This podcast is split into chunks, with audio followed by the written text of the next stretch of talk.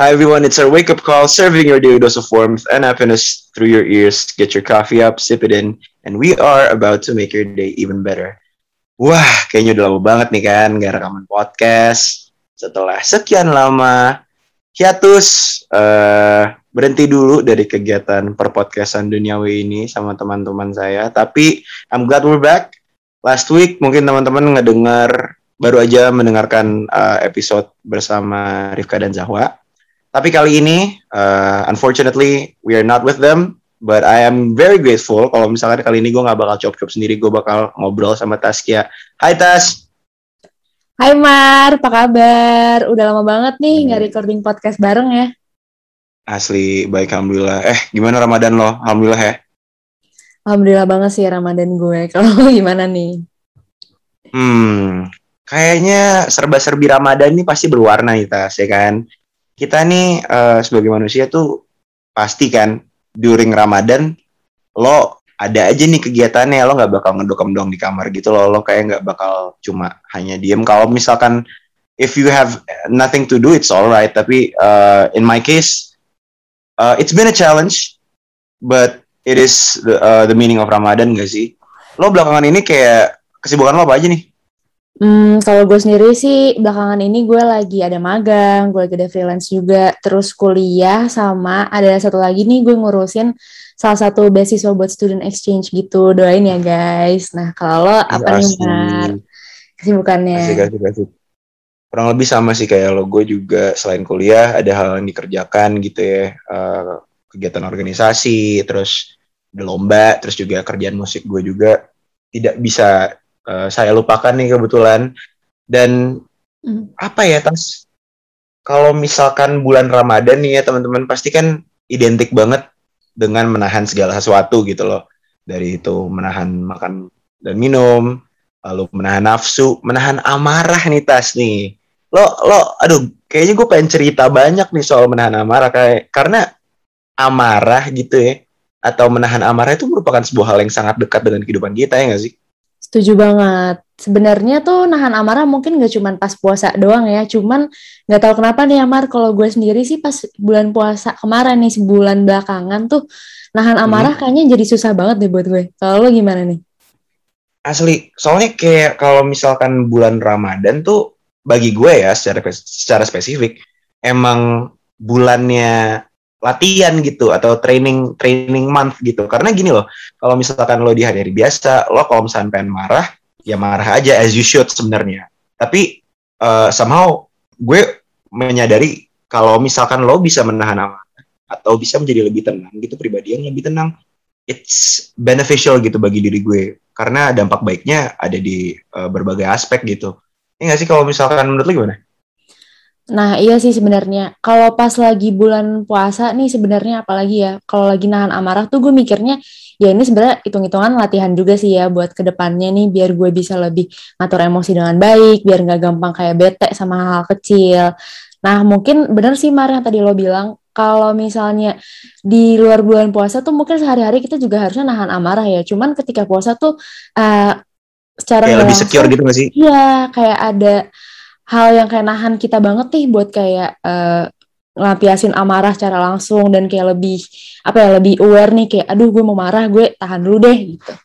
Asli asli. Ini uh, disclaimer ya kita bukan yang nge-encourage teman-teman buat memendam gitu enggak tapi maksudnya uh, kalau dalam spesifik uh, kehidupan keseharian gue ya I'll treat uh, apa namanya menahan amarah atau uh, stopping your anger gitu sebagai sebuah bentuk latihan karena gini loh kalau misalnya nih uh, di hari-hari biasa nih kan lo lagi nyetir gitu terus biasa lah tas traffic Jakarta traffic ibu kota tuh mm-hmm. itu kan kadang-kadang bikin kita naik pitam ya bikin kita naik darah terus entah kenapa keluar aja tuh kata-kata kebun binatang atau kata-kata yang uh, kurang elok lah dan pasti disampaikan uh, lewat amarah dan ya kalau misalkan bulan Ramadan kan kita sebaiknya uh, menjauhi hal-hal seperti itu.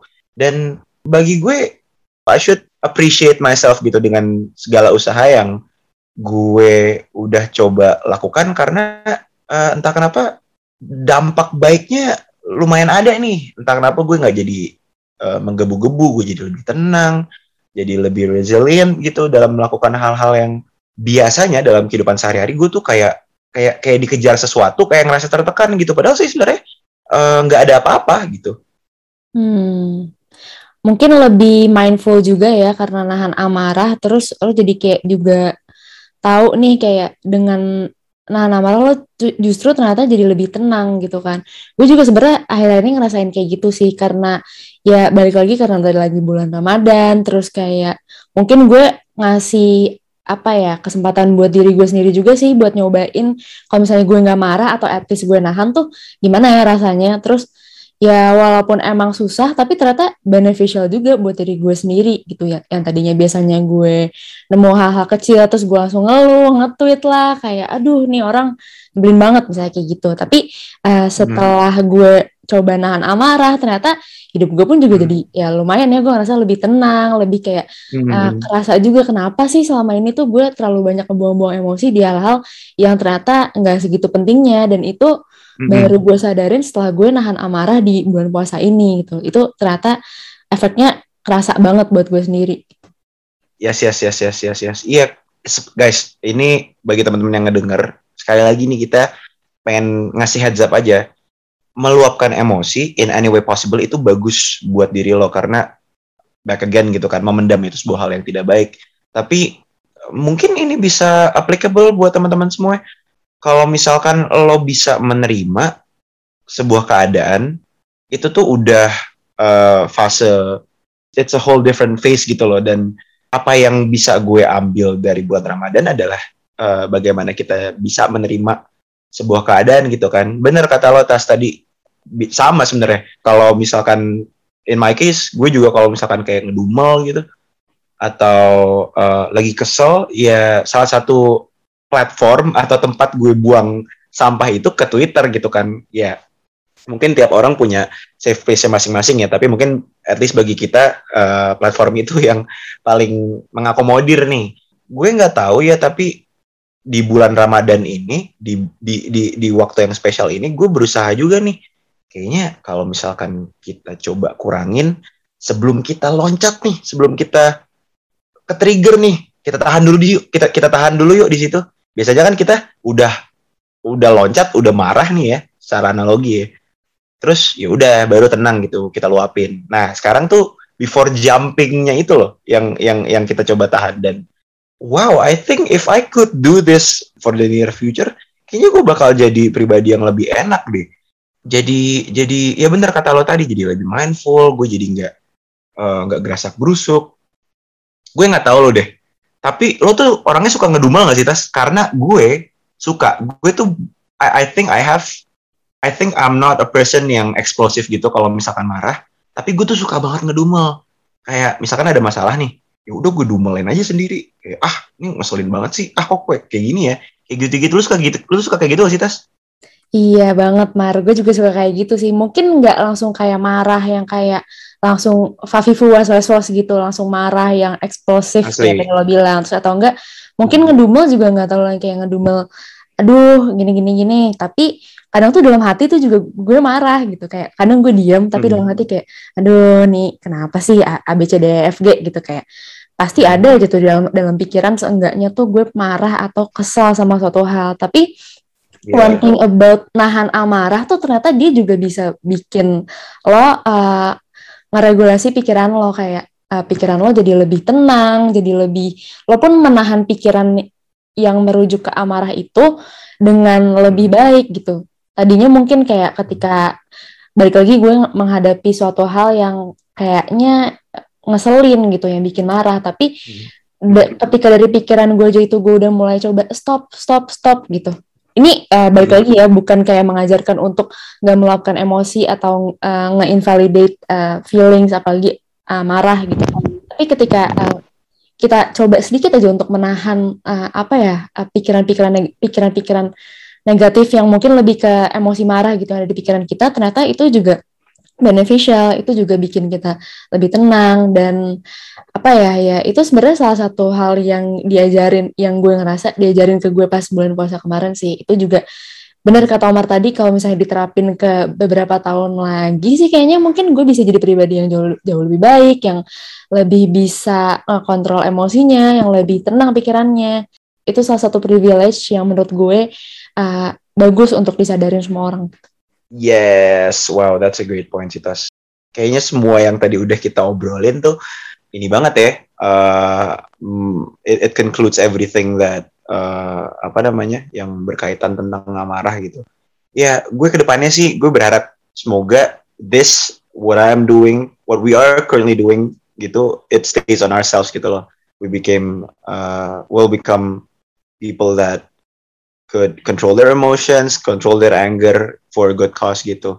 Teman-teman, gue pengen ngasih uh, lima fakta nih. Tas ada lima fakta seru nih tentang benefit menahan amarah. Oke, okay? Yang pertama, menurunkan resiko serangan stroke.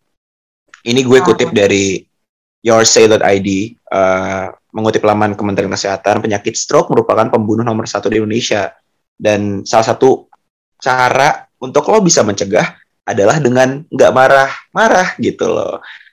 Wah, itu that's that's that's that's a very fun fact, guys. Ingat controlling your emotions, controlling your anger, that gives you a lot of benefits. Kita masuk ke poin kedua.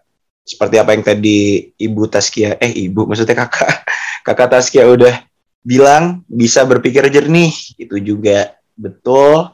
Lalu mungkin kalau misalkan uh, lo orang yang eksplosif ini adalah fakta yang ketiga lo juga bisa uh, dengan lo tidak meluapkan emosi lo dengan lo jadi lebih tenang lo bisa meningkatkan hubungan lo dengan orang-orang sekitar lebih baik gitu jadi lebih tight gitu ya jadi lebih fun jadi lebih uh, meaningful juga. Nggak semata-mata lo langsung explode aja gitu jadi jadi jadi lebih tenang. Yang keempat lo bisa juga menghindari stres. Emang kalau misalkan lo lagi menghadapi masalah gitu ya contohnya tugas yang menumpuk itu tuh bisa memicu memicu mood lo uh, untuk menjadi semakin drop gitu karena stres dengan beban pekerjaan yang mungkin belum selesai dan uh, kalau misalkan lo bisa menahan itu, kalau misalkan lo bisa menjadi lebih resilient and in peace, obviously you are going to avoid the stress and it's going to be good for yourselves. And uh, I think that's pretty much it. Uh, Tas, semoga apa yang tadi kita omongin sih bertahan ya sama kita dan uh, teman-teman semua. Semoga apa yang tadi kita omongin bisa ada satu dua hal yang ditangkap nih uh, dan juga bisa beneficial buat teman-teman. And uh, I think that's pretty much it. Kayaknya episode ini bakal rilis setelah Ramadan, so I just want to wish you all a very festive and happy Idul Fitri, and may everything that you have trained, prayed, and wished be granted in the future, ya guys sama kayak Omar dari gue juga semoga Idul Fitrinya menyenangkan terus eh, jangan lupa ini eh, buat ngatur emosi itu nggak cuma harus di Ramadan aja tapi setelah Ramadan pun kita juga bisa lanjutin untuk eh, coba nahan amarah gitu. Yep guys, I think that is it. Thank you for listening. Thank you for spending your time. Have a festive Eid, happy Eid uh, once again and uh, yeah, rubah amarah jadi berkah. Bye. Bye.